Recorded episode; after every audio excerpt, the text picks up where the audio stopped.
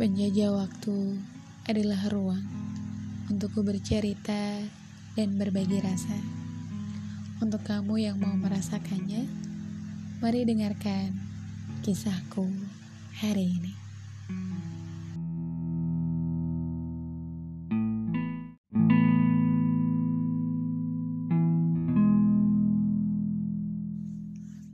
Halo, selamat malam.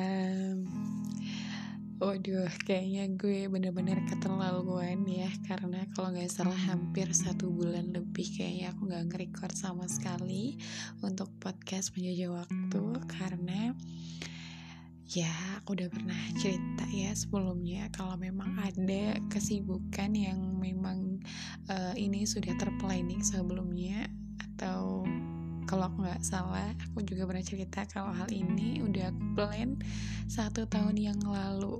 Jadi ya kembali lagi bahwa uh, penjajah waktu ini aku buat karena kegabutan pada saat itu atau tepatnya satu tahun yang lalu di mana uh, kayaknya aku harus ada kerjaan lain nih di samping pekerjaan aku yang utama. Jadi aku buat podcast meja waktu dan blog meja waktu.blogspot.com dan sebenarnya aku juga udah mau rilis nih untuk uh, tulisan aku yang berikutnya di blog. Tapi lantaran uh, desainnya itu yang tak kunjung aku benarkan dan tak kenapa makin ke sini tuh makin banyak kerjaan dan makin bingung bagi waktu atau mungkin akunya yang terlampau terlena sehingga kayak ya udahlah sih gitu nanti nanti aja gitu kan kali ya.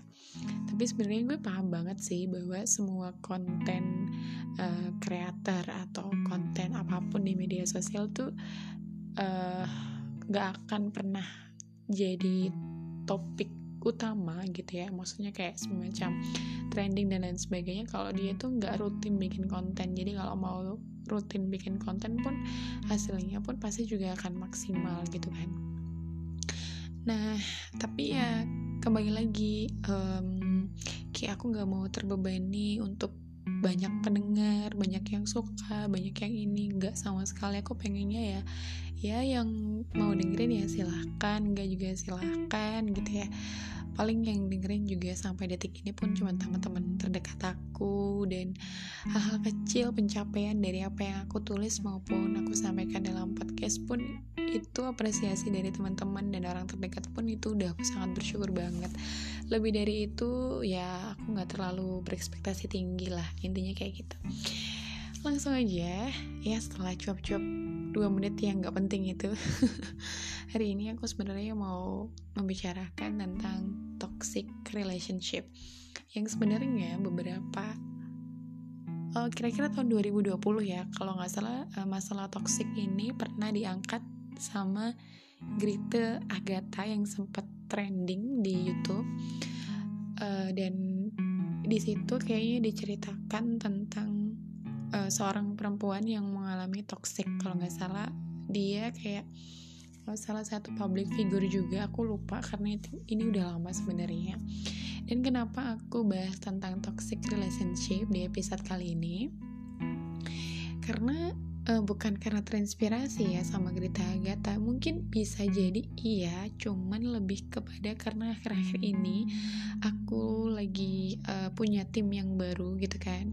Dan tim aku nih lagi kayak karena aku sebenarnya buka obrolan aja dengan membahas masalah yang menurutku ini nih kayaknya topik ini bisa jadi uh, proses pendekatan aku ke mereka gitu. Dan karena memang usia mereka rata-rata di bawah aku kan jadi kayak kalau aku ngajak ngobrol yang terlalu uh, bagaimana bagaimana kayaknya juga nggak nggak apa tuh namanya nggak relate gitu loh. Takutnya mereka juga kayak ini orang ngomongannya tua banget sih kayak gitu. Akhirnya menurut aku di usia mereka mungkin mereka akan jauh lebih interest kalau aku bahas soal kayak percintaan gitu.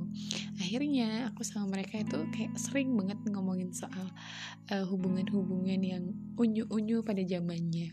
Dan sebenarnya aku juga kayak ya mungkin biar supaya lebih awet muda ya bahas-bahas kayak gitu jadi ya udahlah aku bahas uh, masalah relationship baik zaman zaman SMA yang udah mulai uh, aku juga udah lupa ceritanya. Tapi keinget gara-gara mereka ngobrolin soal itu dan kita lagi bahas kayak gitu. Terus terus dari beberapa pengalaman dari mereka terus aku ngasih tahu ke mereka tentang gimana sih hubungan terakhir aku yang yang kebetulan gitu tanpa disadari itu adalah sebuah toxic dalam sebuah hubungan terus aku inget banget salah satu di antara mereka ada yang nanya ke aku gitu.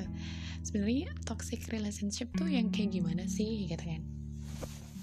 Nah dari dari pengalaman aku dan juga dari beberapa konten yang aku baca dan aku dengerin juga melalui YouTube dan media podcast yang lain gitu ya. Sebenarnya uh, toxic ini hampir semua konten creator baik itu selebgram, youtubers ataupun yang lainnya tuh sering banget bahas soal ini gitu ya. Intinya adalah seperti yang dikatakan oleh Rachel V-nya kalau di mana lu atau diri kita uh, udah ngerasa nggak nyaman lagi dalam sebuah hubungan dan lo nggak jadi di diri lo sendiri ya itu toxic jatuhnya. Uh, apakah toxic itu menjurus ke hal-hal negatif? Sebenarnya nggak melulu soal negatif gitu.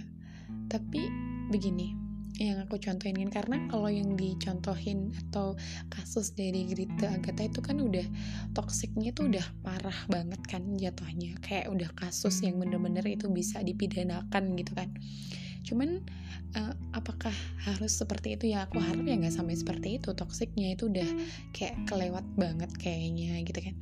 Cuman yang aku mau contohin adalah hal-hal kecil yang ini menuju ke uh, mungkin bisa menjadi perkara yang besar kalau diteruskan.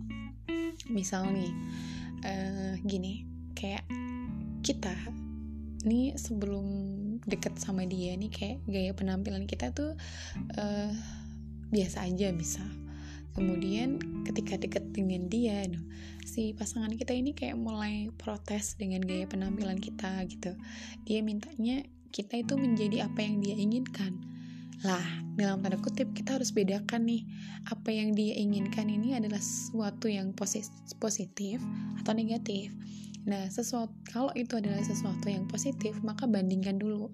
Bandingkan dulu dengan uh, penampilan kita sebelumnya. Apakah itu menyalahi aturan dan norma atau tidak?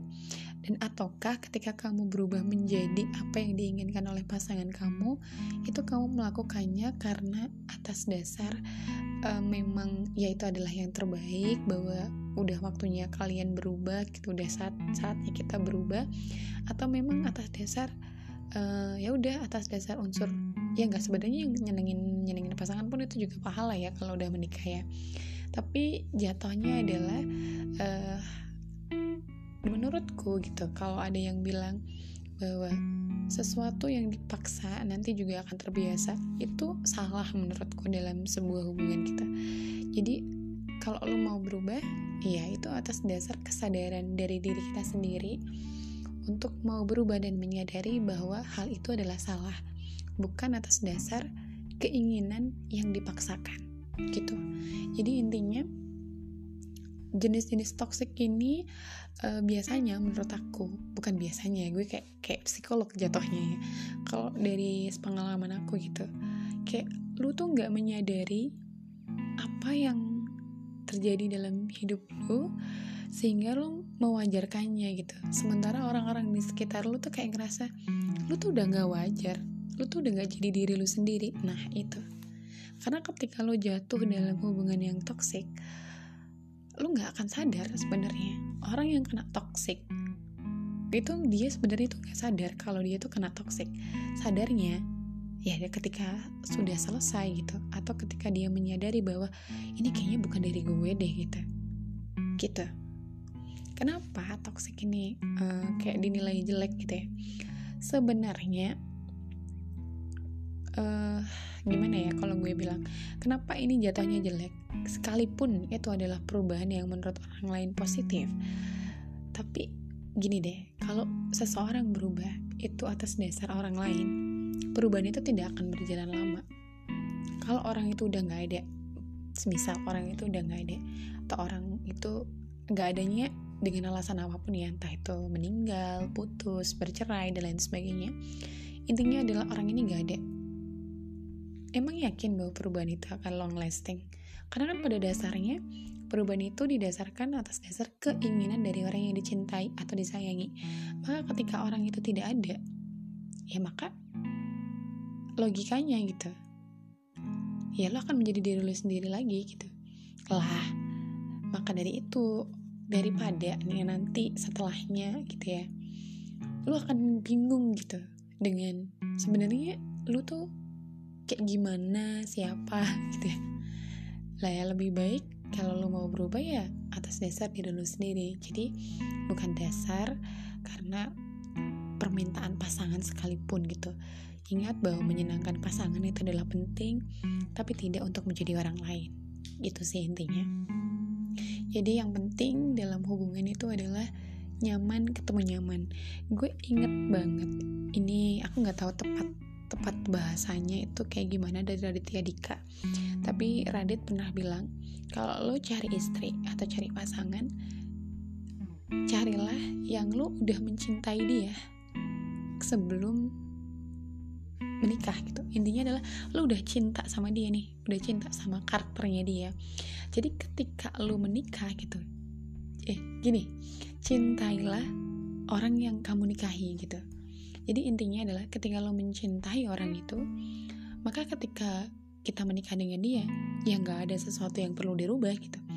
Karena kita udah suka sama dia sebelumnya dan kita udah mantepin hati untuk mencintai dia gitu.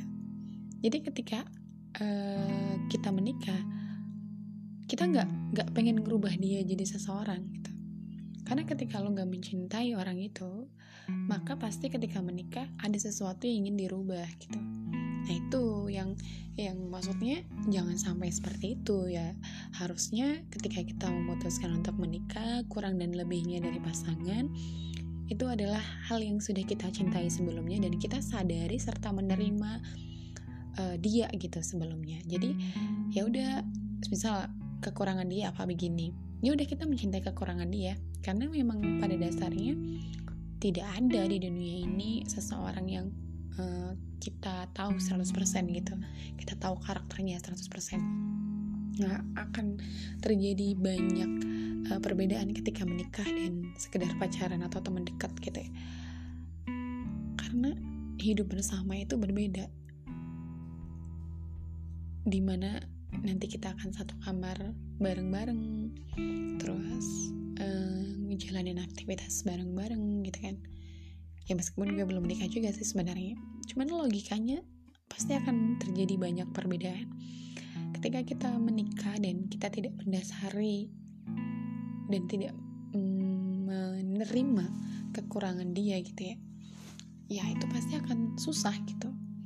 Jadi ya nikahilah seseorang yang udah ngebuat lo jatuh cinta dulu sama karakternya bukan lo pengen merubah karakternya. Karena ketika lo merubah karakternya itu udah nggak sehat tuh hubungan. Kecuali gitu ya. Itu adalah sesuatu yang benar-benar harus lo lurusin gitu. Yang harus benar-benar kayak oh gue suka nih sama orang ini. Tapi gue pengen ngerubah karakternya dia yang agak menyimpang. Misal dia ngedrak sebelumnya. Lo pengen dia tuh ngejauhi ngedrugs atau uh, minum minuman keras yang itu dapat merusak kesehatan dia gitu ya. Nah hal-hal yang menyimpang dan berbau dengan uh, menyalahi aturan dan norma hukum agama dan sosial ya itu adalah wajar-wajar saja ketika kita punya pasangan mengingatkan akan kebaikan itu adalah salah satu dari uh, apa itu namanya hal positif yang seharusnya di ada dalam hubungan itu sendiri gitu. Cuman kalau apa yang ada di dia ini adalah sesuatu yang tidak salah tidak menyalahi aturan dan norma gitu ya. Ya seharusnya kita menerimanya sebelumnya gitu. Jadi nggak perlu ada yang dirubah ketika kita menikah. Kayak gitu. Toxic ini sebenarnya dimulai dari hal, kecil sih. Hal, kecil misal kayak pakaian itu tadi. Terus nanti akan jatuh ke pemikiran terus dia nanti tanpa sadar akan ngerubah mindset lu. Itu pelan-pelan. Gak ada yang langsung ekstrim gitu. Karena kalau langsung ekstrim kan pasti kerasa nih. Karena dari yang misalnya dari teman kemudian jadian. Kalau perubahan dari teman kejadian ini ekstrim gitu kan pasti langsung kerasa kan orangnya atau pasangannya. Jadi pasti itu akan pelan-pelan dulu. Mulai dari kayak uh, misal gaya berpenampilan dia akan ikut komentar. Terus uh, apa itu namanya? Dia akan berkomentar terkait kayak postingan lu terus dia minta untuk saling terbuka untuk media sosial yang lu gunain terus mulai merambah lagi ke apa itu namanya? Ke pemikiran lu. Terus dia mulai tidak menyukai keberadaan teman-teman lu gitu. Itu tuh pelan pelan pelan tapi menggerogoti. Dan nanti akan tiba pada level di mana ya itu tadi kayak kita nggak punya lingkar lingkungan lagi kecuali sama dia. Dan kita merasa bahwa kita nih tanpa dia ini bukan siapa-siapa. Terus lu mulai nggak terbi lu mulai nggak terbiasa dengan tanpa dia. Jadi intinya lu tuh mulai kayak dia ini adalah yang specially for you gitu. Kayak mulai jatuhnya ya ya udah gitu. Uh, lu tuh yang utama di hidup gue. Lu yang terutama. Nah itu tuh. Itu yang udah nggak sehat. Tapi dari apa yang gue paparin tadi contoh-contoh kecil tadi itu bukan semuanya toxic juga gitu. Ya kita harus pintar-pintar dalam menyadari bahwa ini adalah kebaikan yang diminta oleh pasangan ke diri kita atau itu adalah sesuatu yang dipaksakan menurut kehendaknya. Itu beda loh ya. Pasangan yang meminta kita untuk menjadi lebih baik atau pasangan yang meminta karena itu adalah kehendaknya. Kehendaknya untuk menjadi pribadi yang yang yang dia kehendaki gitu.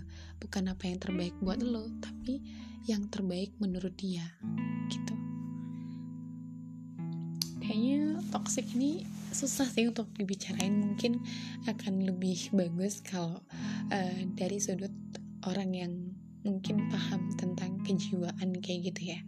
Cuman kalau gue kan hanya sebatas orang yang pernah berada dalam lingkup hubungan yang sedikit toksik dan kenapa gue merasa, bukan merasa ya kenapa uh, aku bilang bahwa hubunganku itu toksik supaya kalian maksudnya lebih percaya kalau apa yang gue omongin itu bener-bener ada gitu ya. Jadi di tahun uh, kesekian aku nggak mau sebutin detail di tahunnya ya. Uh, aku pernah berada di momen di mana aku benar-benar menjadi orang lain. Bahkan temen aku bilang kalau aku mulai terlalu ngiri itu pertama. Kedua orang-orang sekeliling aku merasa bahwa kok lo drastis banget sih? Kok begini banget sih? Gitu. Orang-orang tuh udah menyadari tentang perubahanku tapi aku nggak sadar. Orang-orang juga mulai kayak gak nyaman sama aku. Terus mereka kayak mulai takut takutnya tuh bukan karena takut sama aku tapi mereka tuh takut kalau aku terlalu tenggelam dalam hubungan yang seperti itu dan terakhir ternyata aku diseret ke dalam hal-hal yang tidak berujung pada kejelasan dalam hubungan. Terus mulai terbiasa dengan keberadaan dia yang seperti itu, mulai terbiasa dengan perintah-perintahnya, mulai terbiasa dengan sikapnya yang aneh. Hal-hal yang menurut orang lain itu tidak logis menjadi logis di kepalaku. Hal-hal yang menurut orang lain itu adalah bukan kesalahan ya tapi ketidakwajaran. Kalau salah kan ya udah salah gitu. Kalau aku belum sampai ke tahap salah tapi tidak wajar tapi wajar menurutku. Gitu. Dan toxic ini bukan berarti pasangan kita salah. Bukan. Bisa jadi menurut aku ya menurut aku. Toxic ini dipicu dari diri kita sendiri yang terlampau berlebih kepada pasangan. Jadi niat awalnya adalah ngetrit pasangan untuk supaya dia itu uh, mungkin nyaman sama kita gitu kan. Awalnya begitu akunya juga aku ngerasa ya udah ini adalah aku sayang sama dia gitu. Aku suka sama dia ya sewajarnya ketika seseorang sayang dengan orang lain gitu ya. Maka ya apa yang dia mau, apa yang dia inginkan ya kita turutin dong. Tapi tanpa aku sadari bahwa uh, apa tuh namanya dia menyeretku ke dalam hal-hal yang yang yang yang bukan aku gitu. Yang bukan aku. Tapi ya kalau aku boleh bilang ya awal mulanya adalah yang membukakan pintu gerbang untuk menuju uh, toxic ini adalah diriku sendiri sebenarnya. Sampai di momen aku benar-benar berakhir hubungannya dan aku mulai bimbang kok aku uh, baru sadar bahwa aku sudah melangkah terlalu jauh gitu dalam hubungan itu yang padahal hubunganku belum belum belum berapa lama gitu.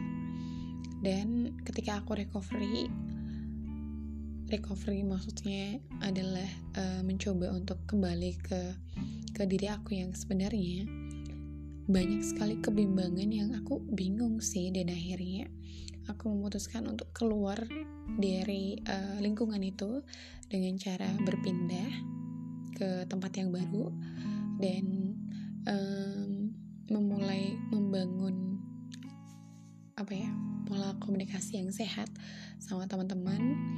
Dan ini juga sih apa namanya sebenarnya dari hubungan itu juga menimbulkan sebuah trauma di aku.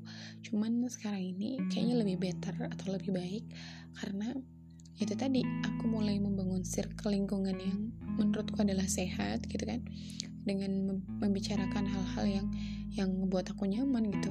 Yang ngebuat aku ya jadi diri aku sendiri. Terus memulai minta maaf kepada teman-teman yang kemarin sudah mengingatkan tapi akunya nggak sadar. Mulai kayak um, tapi jujur dari hal-hal yang kayak gitu toxic itu memang bener-bener ngebuat orang lain atau korbannya itu aku nggak yakin 100% sih. Cuman kalau di aku trauma gitu. Aku aja yang yang ringan gitu maksudnya. Yang ringan dalam uh, dalam hal ini gitu. Merasa trauma gitu setelah itu. Apalagi toxic yang udah kayak jatuhnya dipukulin itu udah biasa di ini udah biasa itu kan pasti lebih lebih trauma lagi gitu kan. Menganggap bahwa perubahan itu adalah hal yang biasa bahwa membahagiakan dia adalah hal yang biasa bahwa uh, apa ya hal-hal yang sebelumnya lo nggak pernah lakuin terus lo lakuin. Dan itu dan sebenarnya yang sebelumnya pun bukan sesuatu hal yang salah gitu. Ya kalau kalau sekali dua kali untuk membahagiakan pasangan gak apa-apa lah ya cuman kalau kita bener-bener kayak mulai ngejauhi lingkungan mulai gak nyaman mulai aneh mulai gak sehat mulai mendewakan dia itu ya udah gak sehat itu udah udah udah gimana ya? Ya itu deh toxic tadi. Ke gue muter-muter bahasanya? Ya intinya dari apa yang gue bicarain tadi itu adalah hal-hal kecil yang uh, gue ceritain terkait hubungan toxic ini. Dan gue berharap buat teman-teman gue nggak bisa ngomong banyak sih karena sebenarnya sejauh ini aku masih ngerasa bahwa aku ngelihat cowok aja gitu saat ini gitu. Kayak aku kayak langsung lu suka gue yang kayak gini nggak? gitu. Gue kayak gini lo terima nggak? gitu. Kayak aku udah nggak mau lagi untuk untuk ngebuat ngebuat orang lain tuh aku mau lo uh, kamu mau kayak gini misal. Menurutku aku yang dulu tuh gini sama pasangan lo maunya apa? Kayak gitu. Oke okay, nanti gue kayak gitu. Gue akan berusaha jadi yang terbaik buat lo. Gitu. buat lo ya bukan buat gue. Jadi nah yang baik itu adalah kita harus berusaha menjadi yang terbaik buat diri kita sendiri karena dengan kita menjadi terbaik buat diri kita sendiri ya lo akan jauh lebih bahagia. Dan ingat pasangan yang benar-benar mencintai kita adalah dia yang bahagia ketika ngeliat lo bahagia. Kayak gitu. Jadi uh, jangan menjadi orang lain hanya untuk membahagiakan pasangan. Karena ya dia yang mencintai lo pasti akan bahagia ketika ngeliat lo bahagia jadi nggak perlu repot-repot jadi orang lain atau menjadi apa yang dia inginkan. Gitu. Jadi sekarang ini yang pengen atau uh, susah sekali untuk gue trust sama cowok itu adalah karena gue nggak pengen lagi ketemu sama seseorang di mana dia pengen ngerubah gue jadi apa yang dia inginkan. Yang gue ingin yang gue pengen ini adalah gue adalah seseorang yang dia inginkan sudah dia inginkan jadi gue ini udah menjadi apa yang dia inginkan. Bukan dia ingin ngerubah gue menjadi apa yang dia inginkan. Karena gue nggak mau dirubah menjadi apa yang dia inginkan. Gue maunya gue ini udah lo inginkan. Sudah menjadi keinginan kamu. That's it 20, 25 menit uh, lebih ya gue ngobrol soal toxic ini. Dan kayaknya udah cukup jelas dari apa yang gue sampein. Tapi kembali lagi bahwa setiap orang uh, punya relationship hubungan yang beda-beda. Gimana cara ngetrit pasangan ya. Kembali lagi sehat dan tidak sehatnya dalam sebuah hubungan adalah uh, terkait nyaman dan tidaknya ketika kamu sama dia bahagia tidaknya ketika kamu sama dia. Dan jangan uh, inilah apa namanya jangan memaksakan sesuatu yang tidak seharusnya atau tidak sewajarnya kamu paksakan. Karena kalau jodoh ya kembali lagi ya kalau jodoh pasti ada jalan Tuhan. Karena jodoh itu nggak mungkin ketukar. Pasti ada jalan Tuhan untuk sampai ke sana. Ke jenjang yang lebih serius yaitu pernikahan. Tapi ya kalau nggak jodoh gitu ya ya mau lo berubah segimanapun nggak jodoh ya tetap akan nggak jodoh. Dan sekalipun berjodoh gitu ya disebut jodoh kan uh, aku nggak tahu sih yang disebut jodoh itu kayak gimana ya. Apa dengan menikah itu sudah berjodoh atau jodoh itu tandanya ya lo sampai meninggal lo sama dia gitu. Ya gue nggak tahu arti persisnya sebuah jodoh itu yang kayak gimana. Tapi yang jelas ya harapan kita kita menikah dengan orang yang sudah dijodohkan Tuhan dengan kita dan sampai meninggalkan pastinya uh, semoga kalian happy dengan pasangan kalian masing-masing meskipun sekarang ini gue lagi jomblo dan bener-bener lagi kayak pengennya sendiri aja gitu ya. Semisal pun ada jujur nih jujur banget. Semisal pun ada yang deketin gue gue kayak pengen dikejar gitu. Pengennya kayak dia tuh bilang ke aku kayak eh gue beneran lo sama lo gitu.